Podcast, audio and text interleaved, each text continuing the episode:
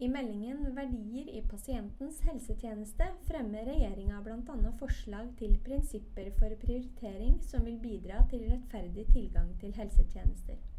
Jan Abel Olsen ved Institutt for samfunnsmedisin har i en årrekke forsket på begrunnelsene for prioriteringer av pasienter. Med bakgrunn i forskning kan instituttlederen ved UiT Norges arktiske universitet fortelle oss hva som er avgjørende når helsevesenet prioriterer mellom ulike pasientgrupper. Det er uh, avhengig av de politiske føringene uh, vi har for prioritering i Norge.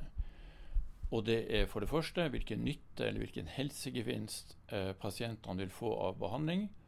Og deretter hvor mye ressurser som medgår, eller hvor mye kostnader som medgår.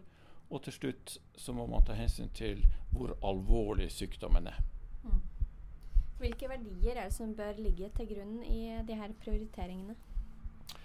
Altså det jo, den ene verdien er jo tilgangen til helsetjenester. Og, og, og, er det noe som er virkelig sentralt i Norge, så er det jo dette at det skal være lik tilgang for like behov. Dvs. Si at det er sykdommen din som skal være avgjørende, og ikke om du har råd til behandling. Det er helt avgjørende i Norge. Det andre eh, som er formulert som en, som en overordna uh, målsetting, det er jo at vi vil ha mest mulig helse uh, for de ressursene vi bruker, og så ønsker vi en rettferdig fordeling. Mm.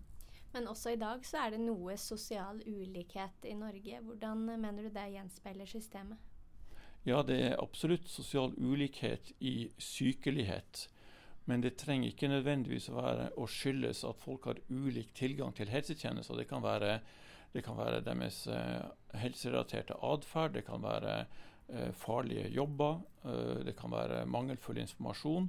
Men, men, jeg tror vi må skille mellom, mellom, det som er at vi ser sosiale ulikheter i helse, men det skyldes nødvendigvis ikke at folk som kommer fra uh, vanskelige sosiale lag, dermed har mindre tilgang til helsetjenester. Det tror jeg i liten grad er tilfellet.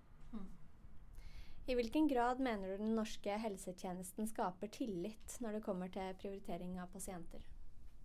Jeg tror det er ganske stor tillit. Jeg tror vi må skille mellom hva media kan trekke frem som enkeltsaker, sånn litt sånn tabloid, og hva veldig mange pasienter formidler ut fra egne erfaringer i møte med det norske helsevesenet. Og Det tror jeg gjennomgående er til mye tillit.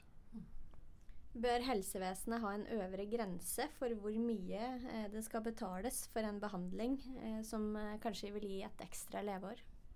Ja, nå er det for det første slik at, at, det er veldig veldig få behandlinger som har så stor effekt. De absolutt aller fleste behandlinger har, har små, små gevinster. Eh, men svaret er både ja og nei. Altså det, det, bør være en øvre grense. og Grunnen til det er at, at uh, ressursene har alltid en alternativ anvendelse. Hvis vi bruker mye ressurser på en behandling som har en liten effekt, så kan det være at de samme ressursene kunne vært brukt på andre pasienter hvor eh, effekten for dem hadde vært mye, mye større.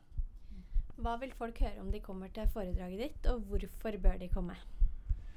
Er, altså jeg håper at jeg skal drive med litt uh, god folkeopplysning og prøve å få, få, få fram hvorfor uh, uh, politisk vedtatte retningslinjer for prioritering i Norge faktisk har en veldig god faglig begrunnelse. Tror du at det vil gjøre folk tryggere som pasienter og pårørende? Ja, jeg håper det. Det, det gjør jeg virkelig, altså.